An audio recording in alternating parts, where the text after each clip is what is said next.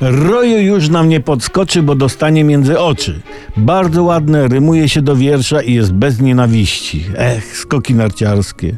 Ta matka sportów narciarskich, zimowych.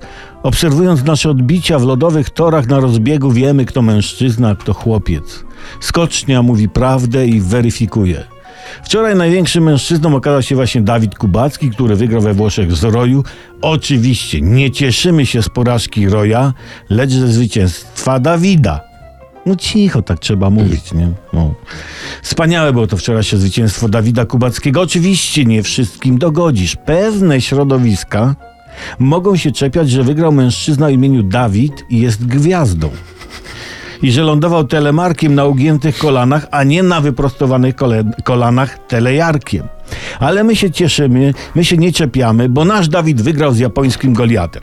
Słuchajcie, generalnie skoków narciarskich nie trzeba przybliżać, ale warto. Wynalezienie skoków narciarskich nastąpiło po wynalezieniu praktycznego zastosowania dla nart.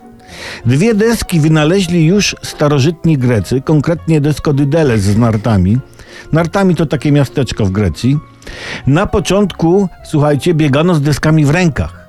A, no ale to było głupie, nie? No wyobraźcie sobie. I z tego powodu, a także z powodu braku śniegu i skoczni, wynalazek deskodydelesa jak i on sam, no oni poszli w zapomnienie.